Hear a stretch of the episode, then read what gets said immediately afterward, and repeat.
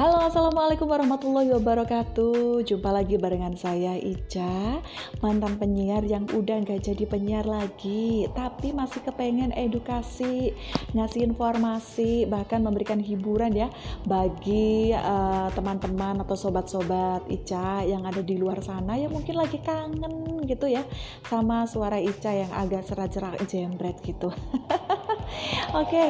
uh, uh, uh, di kesempatan kali ini saya bakalan membahas ya masih di seputar dunia asuransi. Tapi yang ada kaitannya dengan masa yang sekarang. Masa sekarang itu yang gimana sih maksudnya? Nah, masa sekarang itu kan sekarang kita lagi dirundung sama duka ya, dirundung pandemi COVID-19 yang gak habis-habis ya.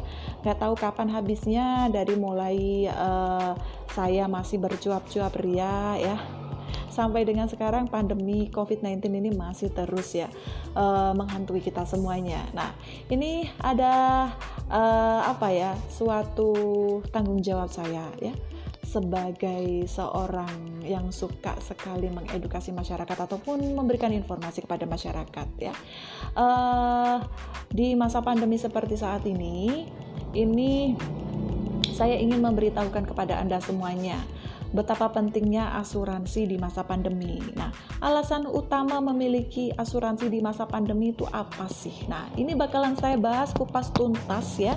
Uh, di sini tentunya di aplikasi yang uh, bisa mengobati rasa rindu Anda semuanya dengan suara saya yang ya tidak merdu-merdu amat ya.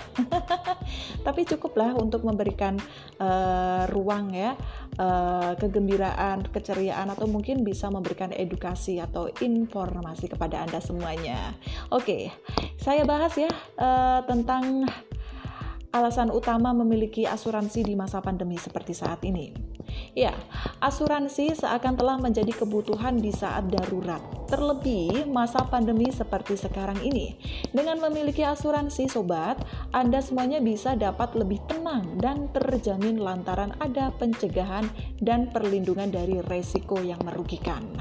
Resiko tak terduga itu meliputi sakit, ya, kecelakaan, meninggal dunia, biaya pendidikan, kerugian bisnis, kerusakan uh, properti ya, mungkin karena kebakaran dan lain sebagainya dan kendaraan mungkin yang uh, rusak dan sebagainya pokoknya yang sebagainya. Ya yang pertama yang saya bahas adalah mengurangi potensi kerugian ya sobat ya seperti kita ketahui ya, pandemi COVID-19 telah mengakibatkan tingkat pengangguran dan PHK yang masif di seluruh dunia. Kondisi ekonomi yang tak stabil ini tentu mengkhawatirkan dong ya, eh, terutama bagi kelas pekerja seperti saya, mengingat pengeluaran dan tagihan masih terus ada, sementara pemasukan berkurang atau tidak ada sama sekali atau amsyong. Untuk menghindari skenario tersebut ya atau terburuk tersebut, uh, memiliki asuransi kesehatan dan asuransi jiwa ini maka resiko bisa dialihkan dan keuangan Anda sekalian menjadi lebih stabil. Jadi ini mungkin solusi ya bagi pekerja kelas bawah seperti saya dan juga Anda semuanya mungkin yang mungkin sekarang lagi dengerin ya. Saya bercuap-cuap ria.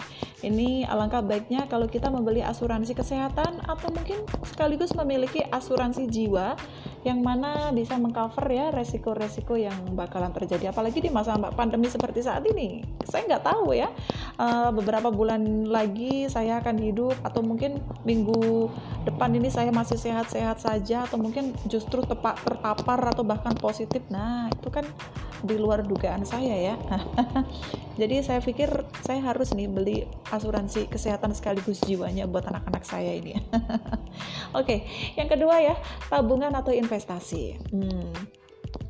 Memiliki dana cadangan untuk kondisi yang tidak terduga menjadi sangat-sangat penting. Perusahaan asuransi biasanya akan memberikan jaminan pengembalian uang jika kontrak asuransi telah selesai atau kontraknya ya telah selesai.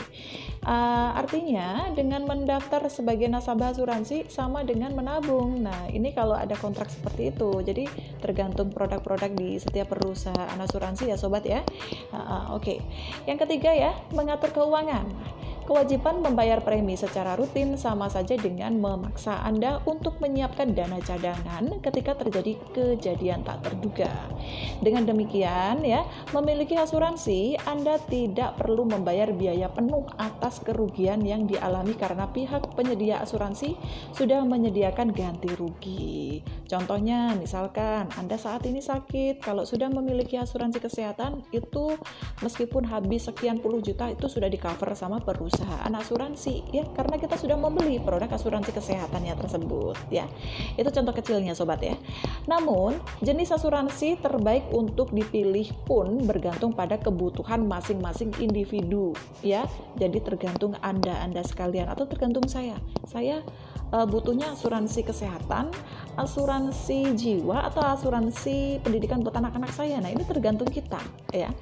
Uh, jadi kita harus pinter-pinter ya uh, menentukan pilihan mana atau pinter-pinter lah me menentukan saya ini butuhnya apa sih gitu ya.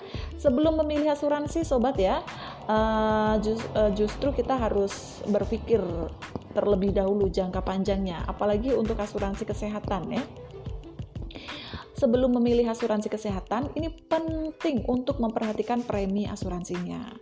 Ya, yang menyesuaikan dengan pengeluaran bulanan, premi klaim yang cepat kredibel ya atau kredibilitasnya itu bagus dan mudah diakses gitu.